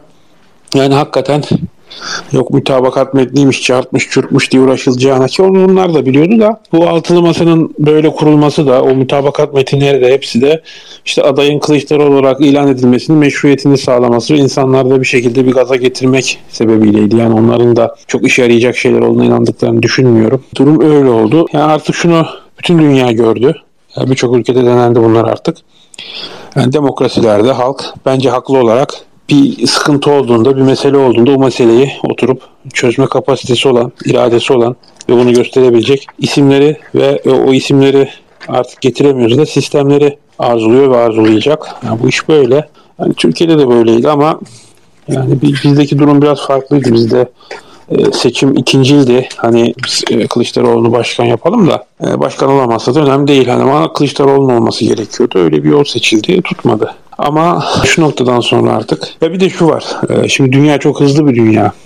Yani şu an biz herhangi bir konuda kafa patlatmanın bir anlamı yok. Önüne geldiğinden çok değişiyor ve e, çok teknokratik bir dünya. Onun için iktidara gelmeden binlerce sayfalık doküman hazırlamanın pratikte de bir anlamı yok. Yani iyi niyetli de olsanız deseniz ki işte ben iktidara hazır geleceğim. Öyle bir arzunuz varsa da şeyin bir anlamı yok. Öyle bin sayfa doküman hazırlamanın bir anlamı yok ama o dokümanlar dediğim gibi o ciddiyette hazırlanan şeyler değil. Tersaçı sen ne düşünüyorsun Bebecan'ın o ifadesi üzerinden? Dünyada da bir fiyaskoya yol açan ve Political Science sayfasının çokça beğendiği bu masa muhabbetlerine. Açıkçası hiç zaman kaybetmedim o tarz şeyleri okumakla. Aşağı yukarı tahmin edebiliyorum içinde nezdeme. Herkese boncuk dağıtan. Biz hem aynı zamanda adaleti sağlayacağız, aynı zamanda ekonomiyi şaha kaldıracağız, aynı zamanda kadına değer vereceğiz. Aynı zamanda erkeğe değer vereceğiz. Aynı zamanda çocuk haklarını savunacağız. Aynı zamanda emeklileri ezdirmeyeceğiz şeklinde herkese boncuk dağıtan o tarz metinleri okumakta çok haz etmiyorum. Yani aşağı yukarı ne yazmış olabileceklerini tahmin edebiliyorum ama ortalığa saçılan şeylerden benim kafamda o anda birkaç tane soru hemen çıkmıştı. Ya bunlar böyle bir şey yani işte parlamenter sisteme döneceğiz veya Cumhurbaşkanı şöyle olacak böyle olacak. Ya siz şeyi hemen anayasayı değiştirecek çoğunluğa ulaşabileceğinizi varsayarak böyle bir program ortaya şey yapıyorsunuz herhalde. Onu bir anlatmanız lazım. Bu anayasa değişikliği nasıl olacak veya o döneme kadar parlamenter sisteme hadi geçin bakalım. Yani geçemeyeceksiniz. Herhangi bir şekilde hani ağzının söylediğini kulağı duymuyor diyecekleri o tarz vaatler üzerinden herkese biraz şey dağıtma üzerinde kurulmuş şeylerin çok bitkisi yoktu. İkincisi şey olarak aslında bunu o PhD'li political scientistler çok daha iyi bilirdi aslında. Neden kimse bunu şey yapmadı? Ben onu bir sefer söylemiştim. Çok şey olmadığı için de hani o dönemde o tarz e, açıklamalar linç şey oluyordu. Benim ağzım dilim linçlerden yandığı için e, o konularda sessiz kalmayı tercih ettim ama bu tarz iki türlü bir seçim varsa yani oyunun kuralları bu şekilde kurulmuşsa ve main bir contender var. Bir tane e, kişi bu seçimi kazanması bekleniyor veya en azından herkes o kişinin karşısında rakip olmak istiyor. Bu şeyde aşama aşama gitmeniz lazım. Öncelikle seçimi ikinci tura taşımanız lazım. İkinci tura taşımak için de mümkün olan en yüksek oyu alabilecek yani bu main contender'ın karşısında en yüksek oyu alabilecek maksimum adayı göstermeniz lazım. Yani burada ki representation çok önemli. Tek bir adayı birleştirdiğiniz zaman atıyorum Ekmelettin'i seçtiniz. Ekmelettin'e oy vermeyecek aslında kişileri bir anda siz kendi hanenizden siliyorsunuz. Veya benzer şekilde işte Mansur çıktı, Mansur'un adı çıktı, Ekrem İmamoğlu'nun adı çıktı, bir sürü çıktı da çıktı. Halbuki burada esas şey yani mümkün olan bütün anti AKP seçmenin oyunu almaksa 20 tane adayla, Cumhurbaşkanı adayıyla girilseydi, herkes kendine uygun gelen adaya oyunu verseydi, AKP'den en fazla oy tırtıklamanın yolu buydu. O zaman yani bu ittifakların zaten burada yani hiçbir ittifak seçmenlerin tamamını satisfy edemeyeceği için hiçbir ittifak seçmenlerin hepsinin gönlünde bir anda oh be ne güzelmiş duygusu yaratamayacağı için çünkü bütün bu pazarlıkların sonucunda herkesin ağzında bir şey acımtırak tat kalacak. Bu koalisyonların özelliği budur. Hiç kimse istediğini elde edemez. En güzel koalisyonlar öyle kurulur. Bu şeyde doğal olarak ikinci tura kaldıktan sonra da main contender'ın karşısındaki herkesin birleşebileceği bir aday doğal olarak ortaya çıkacaktı. Seçimleri kazanmanın en garanti yöntemi buydu. Bu, ama bu baştan itibaren silindi. Çünkü ajanda farklıydı. Ajanda farklıydı. Ajanda çok fazla üzüm yeme üzerine değil de bağcıyı dövme üzerine kurulduğu için herkesin kafasında başka türlü hesaplar olduğu için yani o mutabakat netini siz bir, bir tarafa koyun ve o masanın içinde CHP haricindekilerin hareketlerine bir bakın. Bu hareket, bu insanların hareketleri, ben bunu altılı masa kitabının şeyinde yani ben bunu geçen sene yazdım zannedersin. Hepsinin stratejisi şu iki denklem üzerine kurulu. Ya biz bu olur da bu altılı masayla seçimi kazanırsak benim yerim burada garanti olsun. Ama olur da seçimi kaybedersek ben öbür tarafla da şeyleri, köprüleri tamamen atmayayım. Bütün strateji bunun üzerine kuruluyor. Ve böyle bir stratejinin seçim kazanmasını düşünmek akıl dışı bir şey. İnsanlar nasıl buna ikna oldular? Ya bu kral çıplak diyebilen kimse nasıl olmadı? Bu ciddi bir hay- hayret konusu aslında. Yani bunun buradan nasıl bir zafer elde etmeyi planladılar? Nasıl bir yani bu tarz hem korkan hem korkak hem son derece aç ve iştahlı bu böyle bir altılı masanın etrafında toplanmış bir politikacılar ordusu kesinlikle kafaları çalışmayan ama takım elbiselerinden de taviz vermeyen böyle bir ordu. Yani böyle bir otel otel dolaşan ve ne bileyim kongre salonu dolaşan toplantı salonu, yuvarlak masanın etrafında sürekli ahkam kesen, sürekli ah ben bir diktatör olsam neler yapardım bu ülkeye modunda dolaşan insanların nasıl seçim kazanacağını, halkta hiçbir karşılığı olmayan ve hepsinin arkasında bir şey olan, biraz önce şey MHP tarafını şey yaptım. Öbür tarafta da doğal birkaç tane aday var. Yani Erbakan bunlardan biridir. Yani Erbakan'ın oğlu. Erbakan deyince hemen Necmettin Erbakan geliyor aklıma benim. Neydi ismi? Kazım mıydı? Hmm. Şu, meclise girdi şimdi. insanların kuyruğu. Erbakan olan. Erbakan Erbakan. olan. Erbakan'ın oğlu.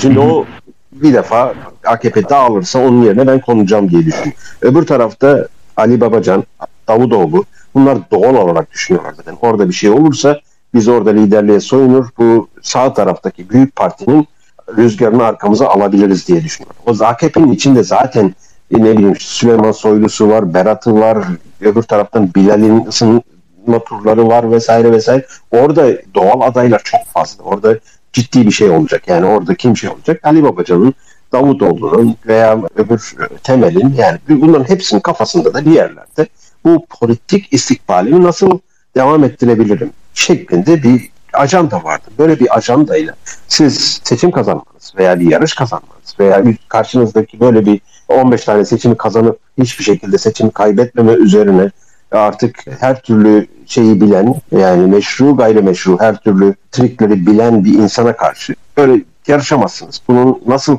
e, böyle bir yarışın sonuç vereceğini düşündüler ve seçmeni en azından nasıl buna kandırabildiler o ciddi bir şey. Yani seçmen de zaten o 20 yılın verdiği şeyle artık illallah dediği için artık o battaniye ile sıcak kahveye çok muhtaç olduğu için artık kim gelse yani eşek koysanız eşeğe de oy verecek artık. Yani o dolayısıyla hani Kılıçdaroğlu o oyu, ben aldım falan filan havalarına girmesin. Hiç veya herhangi bir yani oraya kimi koysanız zaten bu kadar oyu alacak. Hı hı. Ve tekini Peki. kazanmamayı garanti etmenin yolu sadece buydu zannedersen. Ben burada beceriksizlik mi yoksa bir intention mı o konuda henüz daha tam net olarak bir şey söyleyemiyorum.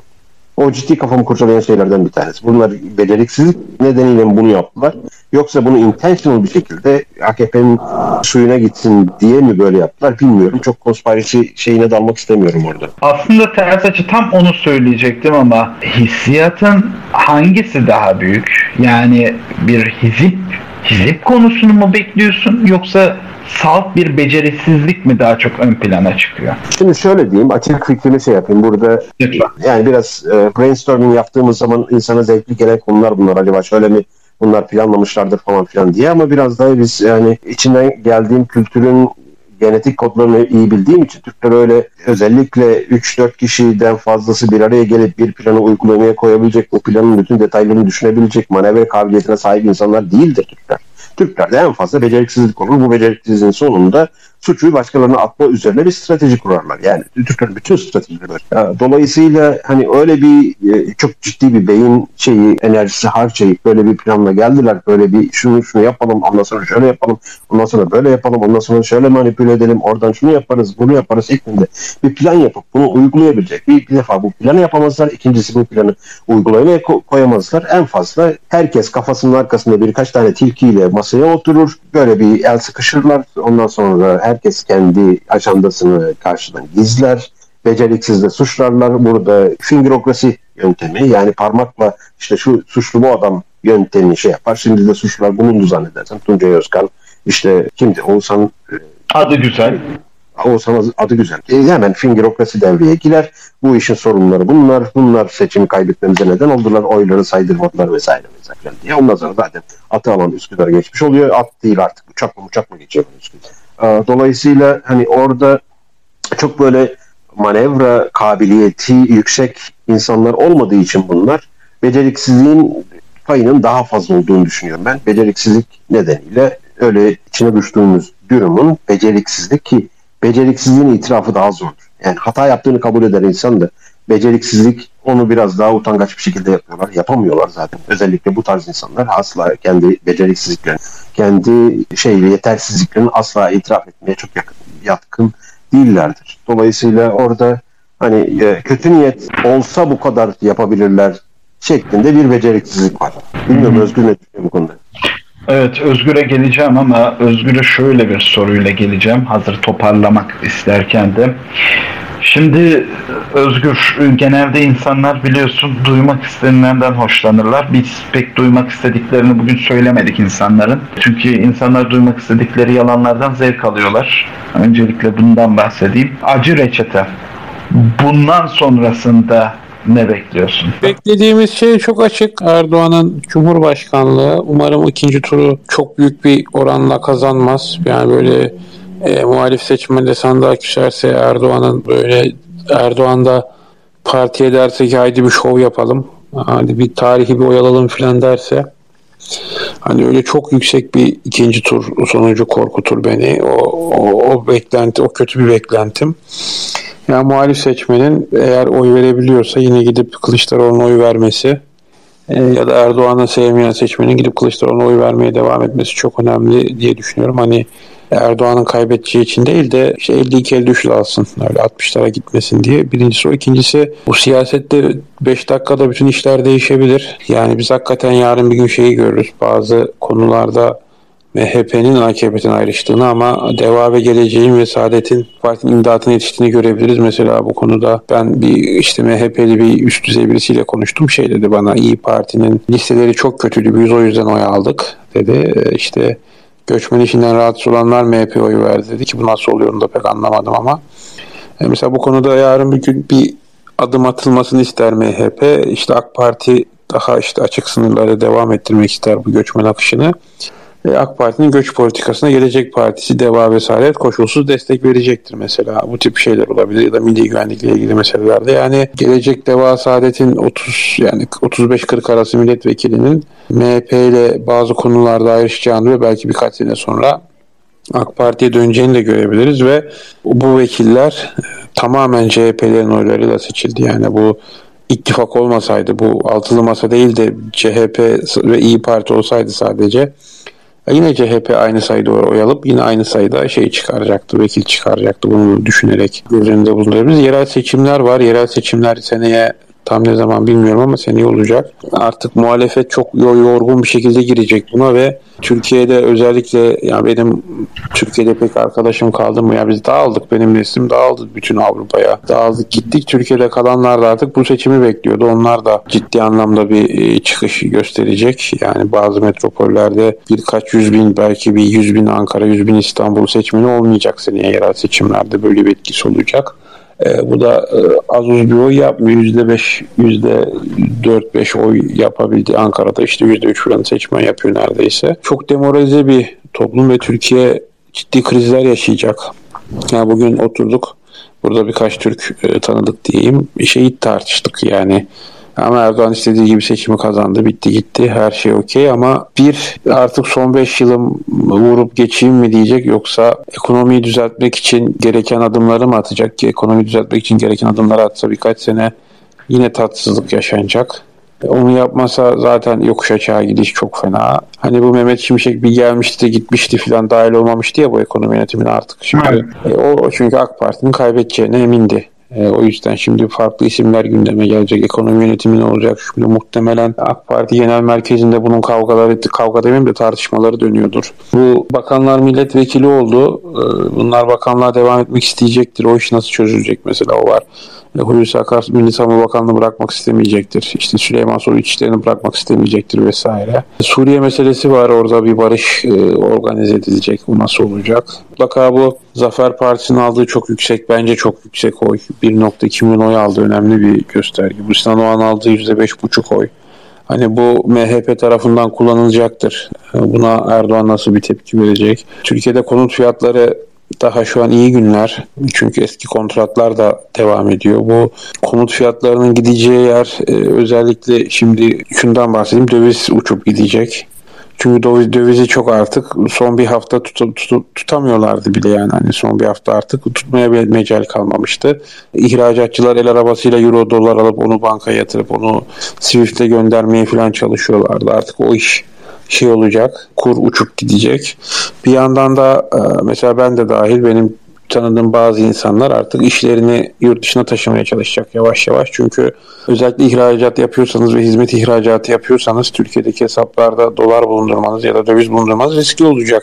Ufak tefek bir para da olsa çekebilir misiniz, çekemez misiniz, değerinden bozdurabilir misiniz? Bunların hepsi ciddi problemler oluşturacak. Hani bu gündeme gelecek. Yani dediğim gibi belki de şey olacak. Şu an benim Türkiye'den beklentim çok karamsar. Belki de bundan iki sene sonra ya da bir sene sonra şey diyeceğiz yerel seçimlere geldiğimizde. Ya iki Kılıçdaroğlu kaybetmiş de bir sene daha Erdoğan kalmış. Tam yalan olacak, dağılıp gidecek gibi e, olabiliriz. O da olumlu çünkü şunu ekleyeyim ben bu konut fiyatları daha Türkiye'deki konut krizinin başındayız. Çünkü şu an şey var eski kiracı 1500 veriyor yeni kiracı 5000 6000 veriyor gibi bir denklem söz konusu diyelim. Bu sayılar örnek olarak verdim. Şimdi kiracılık ve kira kontratları yenilendikçe bu uçup gitmeye devam edecek. Hele ki bu dövizle de e, şöyle olacak artık e, işte döviz uçacak e, yurt dışından insanlar gelip yerleşecek Türkiye'ye o kira konusunda artık vatandaşlar hiçbir şekilde baş edememeye başlayacak geçenlerde bir şey duydum bir devlet memuru atanacak işte bir liman işletmesinde devlet memuru Antalya'ya gitmemiş. Yani memur olmasam da olur demiş ki memleketimde otururum. Çünkü e, alacağı maaşla oralarda işte o bölgede tutabileceği ortalama düzgün bir ev kafa kafaya neyle geçinecek vesaire. Yani bu yaşanacak. Türkiye'de bu konut krizi e, düzelmeyecek. Artı işte sınırlar açık. O akışlar devam eder. İşte uçakla geleni, oturma izni alanı filan derken yılda bir, bir buçuk milyon civarı göç almaya devam eder ülke. Bunu kaldıracak altyapı yok e, sağlık sisteminin artık sür, yürüme şansı kalmayacak diye düşünüyorum birkaç yıl içinde. Çünkü doktorlar da iyice artık tasfiye edilecek gidecekler. Yani çok kötü bir tablo ve Erdoğan'ın tekrar kazanıyor olması da bu tabloda ihtiyaç olan moral motivasyonu da çekip alıyor. Bir 5 yıl Erdoğan götürebilir mi? Bu soru işareti ama hakikaten Türkiye ben şeyi çok saçma bulurdum işte bu seçim son seçim muhabbetini de e, biraz Türkiye'nin önündeki yol çok çok çok kötü ve yani hakikaten yani Erdoğan döneminde yapılan zararlı ve kötü ne varsa hepsi artarak yapılmaya devam edilecek. Başka bir çıkış da yok. Ters açı sen bekliyordun lütfen. Aa, yo benim bu konuda dün söylemiştim aslında yani ne olacağını ne biteceğini. Özgür'ün yani bazı şeyler düşebilirim belki e, şey konularında ama genel olarak en azından istikamet konusunda hem fikir olduğunu düşünüyorum. Dün de bahsetmiştim. Türkiye'nin önündeki sosyal, ekonomik, politik, siyasi e, içtimai, bireysel en büyük sorun enflasyondur. Para sorunu vardı Türkiye'nin. Bu enflasyonist politikalarla Türkiye'de dejenere olmamış, erozyona uğramamış hiçbir şey kalmayacak. Yani bunun içinde konut var, bunun içinde gıda var, bunun içinde sağlık var, bunun içinde eğitim var, bunun içinde sosyal medya var, bunun içinde ahlak var, toplum ahlakı var, bunun, için, bunun içinde toplum ilişkileri var, bunun içinde evlilik ilişkileri var, bunun içinde yeni nesil var. Bunun içinde yani bunun hepsinde dejenerasyonun artarak devam edeceğini tahmin ederiz. Çünkü enflasyonist toplumlar her zaman için öyle olmuştur.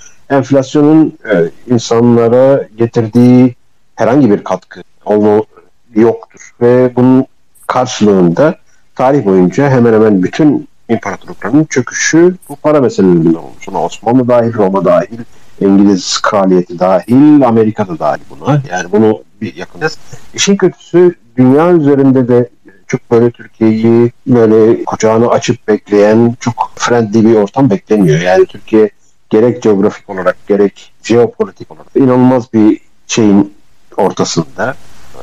Dünya siyaseti çok istenilen yerlere gitti.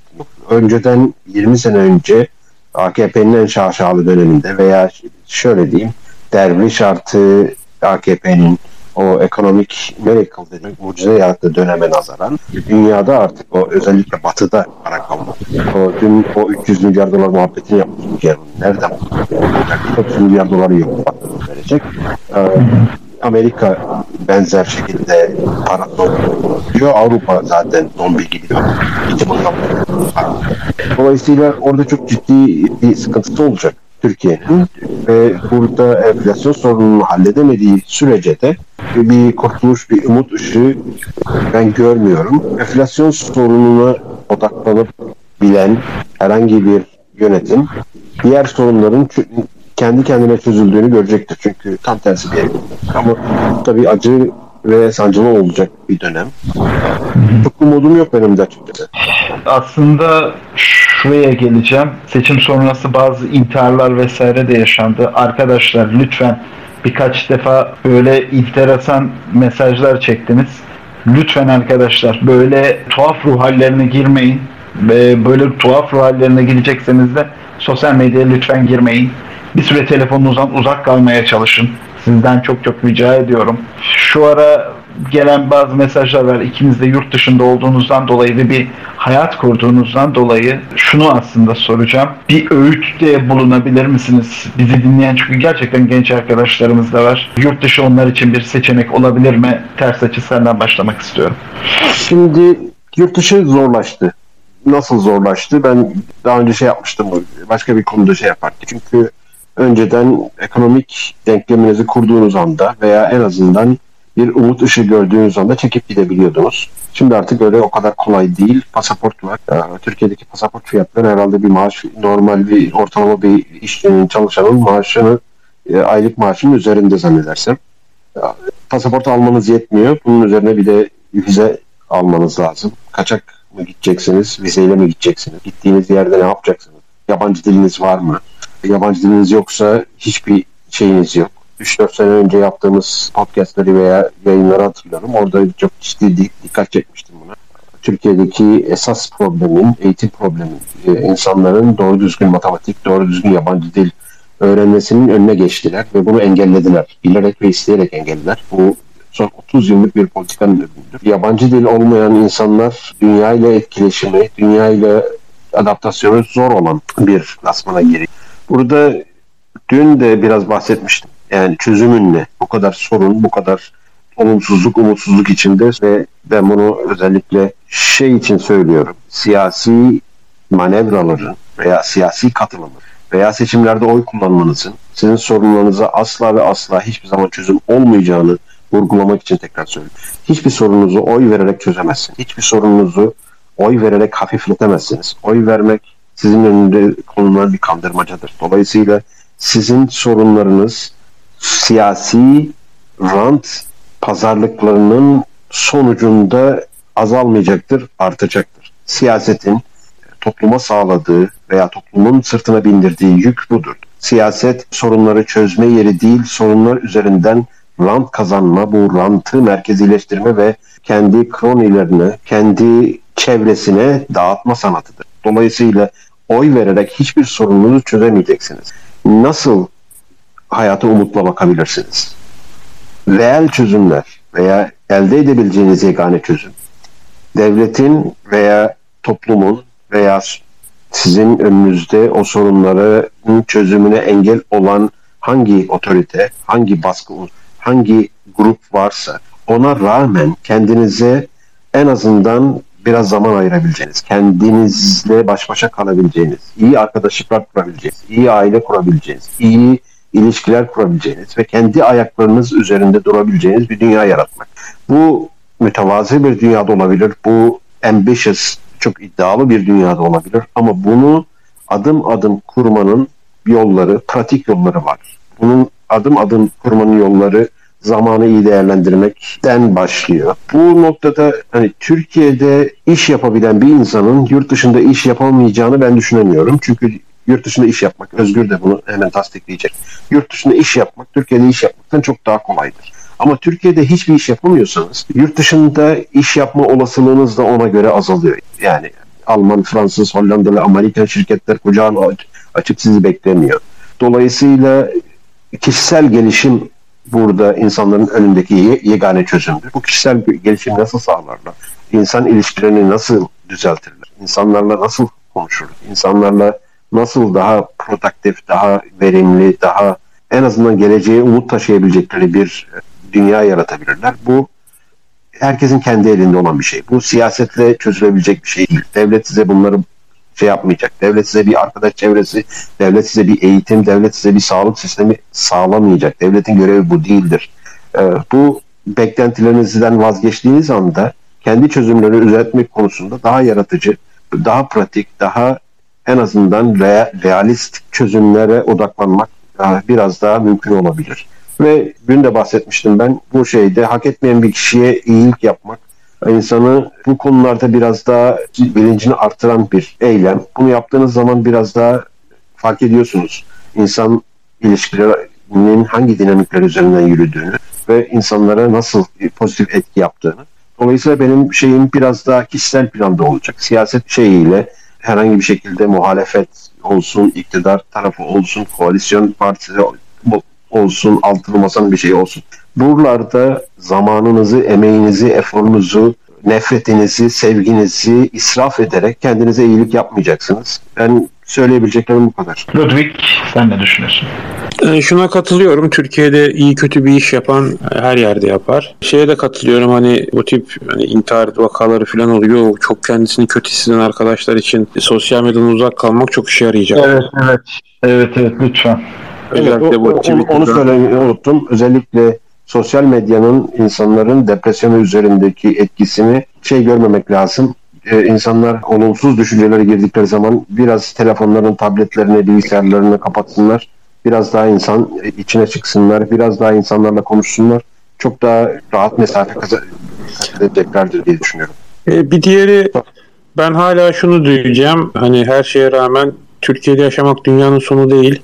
Bana da öyle çok DM geliyor sanki böyle Türkiye bütün kötülüklerin kaynağıymış ve Türkiye'den çıktığınız zaman hayat dünyanın en güzel hayatı olacakmış gibi öyle bir şey de söz konusu değil. Öyle bir şey de yok haliyle ama şu var öncelikle hakikaten bu sosyal medyadan çıkma işleri falan önemli. İkincisi Türkiye'de yaşayan bir sürü yabancı var. Ve eğer bizim dünyada bir piyasada bir piyasa değeri olan bir geçerliliği olan özellikle günümüzdeki bu uzaktan çalışma çağında vesaire bir e, skillimiz, bir yeteneğimiz varsa bunlara odaklanmak da çok önemli. Tabii bu bu yetenekler şey de içinde geçerli tabii. Ee, siz söyleyin yurt dışında yerleşebilmek için de geçerli. Hani Türkiye'de kalmak için de geçerli. Bunu not etmek gerekiyor.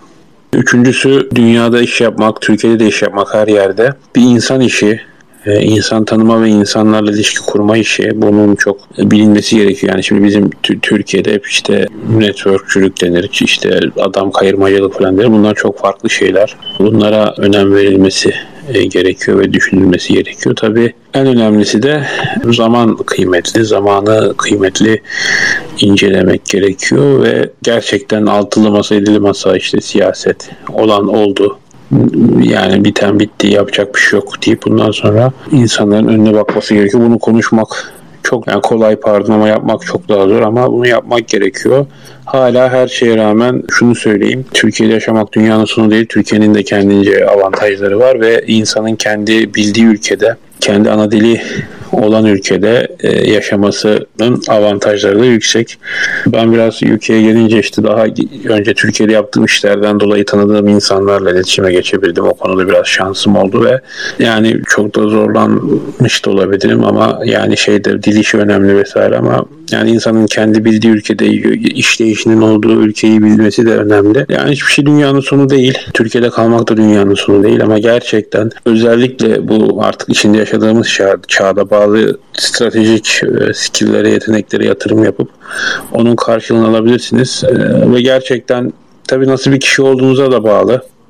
Mesela ben hiç hayatımda öyle çılgın partilere gidip sabahlara kadar enteresan işler yapayım gibi bir moda hiçbir zaman girmedim. Gençken de girmemiştim. Ee, onun için ben sakin bir hayat işte bazı şeylere ulaşabildiğim sakin bir hayat benim için yeterli olabiliyor. Yani bunları söyleyebilirim. Yani hayattan ne istediğimizi çok iyi bilirsek, nasıl bir hayat istediğimizi çok iyi bilirsek e, ona göre her yerde bir şeyler üretebiliriz.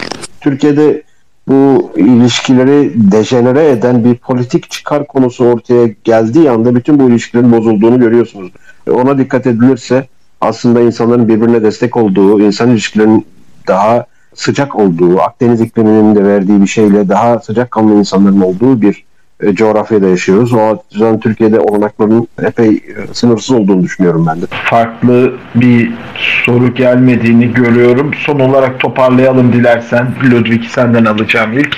Yani kusura bakmasın kimse hani çok olumlu şeyler söyleyemiyoruz. Hani evet. Lütfen. ben şunu söyleyeyim bitireyim. Hani insanlar e, yine gitsin ikinci turda oyunu versin istediği adaya.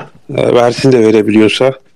Ama yani bu işin bir mucize olmazsa bittiğini de fark etsin. Daha fazla kendisini yıpratmasın özellikle gençler. Yok işte sandıktı, işte itirazdı, YSK'ydı filan. Bir düşünsünler, bir sakin kafayla insanlar bir düşünsün özellikle. Bir itirafta bulunayım. Benim de işte bu sene master durum olunca filan e, bir yandan da şeyi e, fark etmiştim. Yani bu seçim çok önemli bir seçim. E, Türkiye tarihinin önemli seçimi.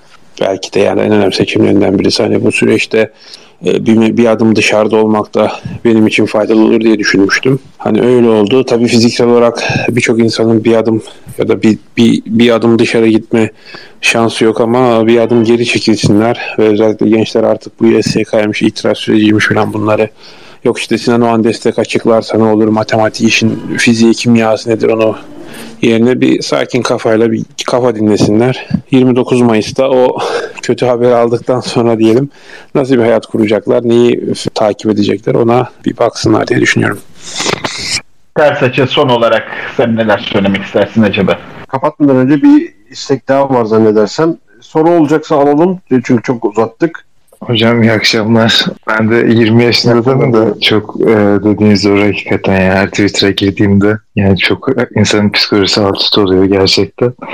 Ben e, şey demek istiyorum yani biraz zürt tesellisi mi olacak falan ama şimdi biz bu adamlara oy verdik e, ve durumu da görüyoruz yani yaşadığımız rezaleti. Kimse bir bedel de ödemiyor açıkçası.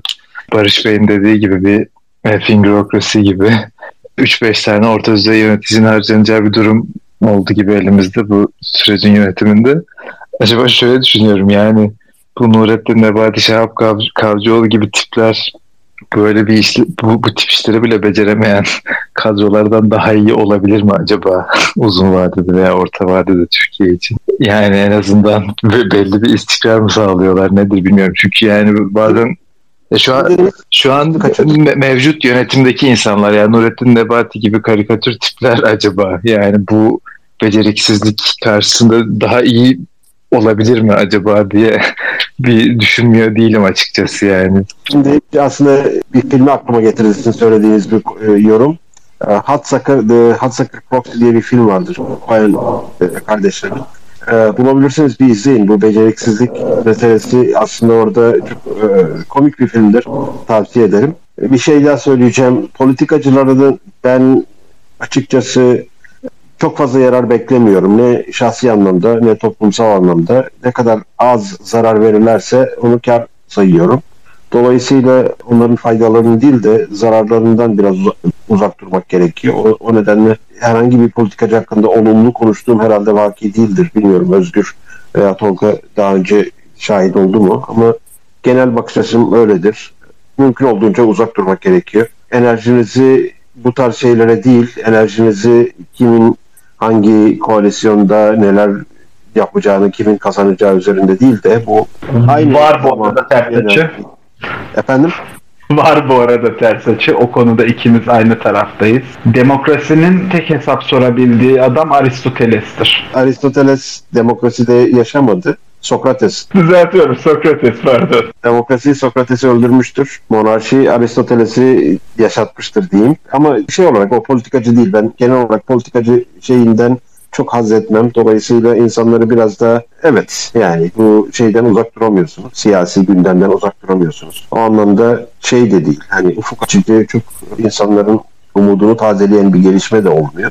Buna rağmen kendi ayaklarında durabilen, buna rağmen kendine bir hayat kurabilen, buna rağmen arkadaşlarıyla, eşiyle, sevgilisiyle, annesiyle, babasıyla, çocuklarıyla mutlu zaman geçirebilen insanları ben şanslı olarak şey yapıyorum. O ideal de bu destek grupları önemli, arkadaşlıklar önemli veya fırsatlar önemli. O fırsatları insanlar biraz da kendi kendine yaratıyor.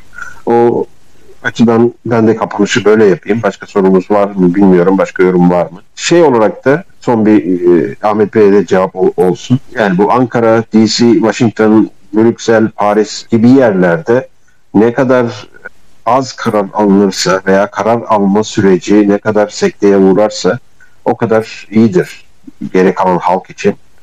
Dolayısıyla o politikacıların arasındaki kavgalar aslında toplum için iyi bir şeydir.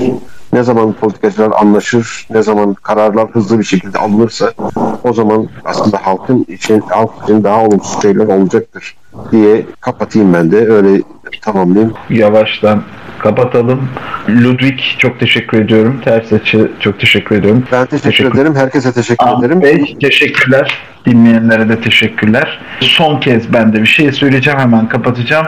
Lütfen bu tarz çok ciddi buhrana girenlerden özellikle genç arkadaşlardan lütfen telefonlarını bir yana koysunlar ve daha fazla lütfen kendinizi yıpratmayın. Çok rica ediyorum. Çok rica ediyorum. Çok rica ediyorum. Çok teşekkürler tekrardan. Herkese iyi geceler Herkese dilerim. teşekkürler. Herkese teşekkürler.